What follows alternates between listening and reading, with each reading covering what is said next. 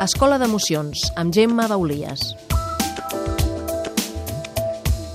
I avui de nou a l'Escola d'Emocions ens acompanya la Gemma Baulies, que és pediatra, és homeòpata, és coautora del llibre La criança transversal i és metge naturista i és mare també, que també és, és un, un factor important a tenir en compte. I avui ens parlarà en aquesta Escola d'Emocions del nerviosisme. El nerviosisme és una reacció completament normal davant de certes circumstàncies que ens envolten o que tenim que afrontar, ens podem posar nerviosos, tant amb els adults com els nens uh, eh, els nens són igual que nosaltres, però en petit, que això ho oblidem moltes vegades. Ells senten exactament el mateix que nosaltres eh, i viuen la vida d'una manera més plena que nosaltres, perquè nosaltres això hem perdut aquesta capacitat, però ells també es posen nerviosos.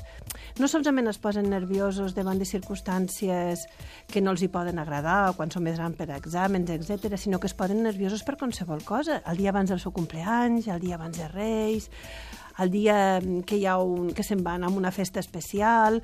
Moltes vegades jo em trobo nens que em truquen els pares, mmm, té febre, eh, és que demà és el seu compleanys, i dius, bueno, doncs pot ser, perquè tot el que és aquesta sensació de nerviosisme o aquesta ànsia també pot crear malaltia. Moltes vegades això no tenim que oblidar que se, coses que sentim també es poden manifestar al nostre cos físic i la febre en aquest cas dels nens pot ser una manifestació bueno, d'aquesta mateixa excitació que té, perquè si mirem el cervell tot està interrelacionat. El centre de les emocions està molt al costat del centre on és termorregulador, és a dir, que la febre tant pot ser causa per un virus com per una emoció. Uh, bueno, davant de, de circumstàncies, nosaltres, claro, cada nen pot reaccionar d'una manera diferent, però si vosaltres veieu que teniu un nen o que es posa nerviós per circumstàncies que ell no pot controlar, jo crec que el més convenient és explicar les coses als nens per molt petits que estiguin, que siguin, eh? no cal tindre set anys per entendre les coses, tu pots explicar de la manera que ell ho pugui arribar a entendre. Perquè moltes vegades els nens el que fan és imaginen coses que no són veritat. Quan no saben el que passarà, es creen un món de fantasia brutal que això pot contribuir amb aquest mateix nerviosisme. No és el mateix el nerviosisme que tindre una TDAH, no té res a veure, eh? eh sinó que és una altra cosa molt diferent, no? Però el fet d'estar nerviosos, això fa bueno, que puguem reaccionar davant diferents, davant, de, de, de diferent manera davant de diferents coses, no? Què, què pot... A nosaltres, als adults, ens passa el mateix. Abans d'anar a una entrevista de treball, anar... pot ser que estiguen més nerviosos, que tinguem el que es diu amb homeopatia trastornos per anticipació, no? que hi ha gent que els agafen cagarrines, que tenen febre, que tenen mal d'estómac... Bueno, com a adults, teòricament, tenim que tindre una sèrie de processos per poder controlar aquests símptomes físics que es venen i també aquesta sensació emocional, no? Jo crec que és molt important al nen donar-li confiança i aquesta confiança l'adult no la pot donar si ell mateix no la sent.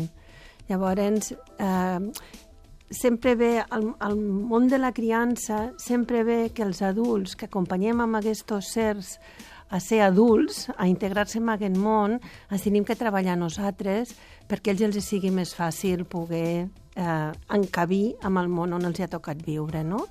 Llavors, bueno, si jo sóc una mare nerviosa, que ho he sigut i ho sóc, pues, eh, tinc que planejar les coses perquè pugui dur-les a terme sense que em posi molt estressada o caigui malalta i si algun dels meus fills reacciona d'aquesta manera, li tinc que transmetre molta confiança i molta tranquil·litat, que això és molt complicat, saps? Quan, quan tu no t'ho creus, és molt complicat transmetre això, no?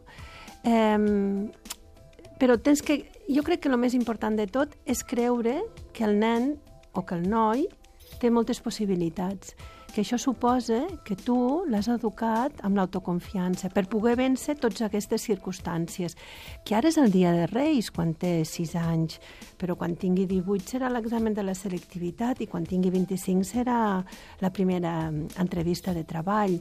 Tot això d'aquí ho anem educant, ho anem, no educant, ho anem modelant durant la infància. I amb aquest mateix procés nosaltres com a adults també podem modelar-nos. Ens quedem amb aquesta idea que apuntaves, eh, que ja n'hem parlat en altres ocasions en aquest programa, que els fills moltes vegades són com un mirall pels adults mm, i per sí. tant ens hi hem de mirar i hem de descobrir coses. Moltes gràcies, Gemma Baulies. Moltes gràcies a vosaltres.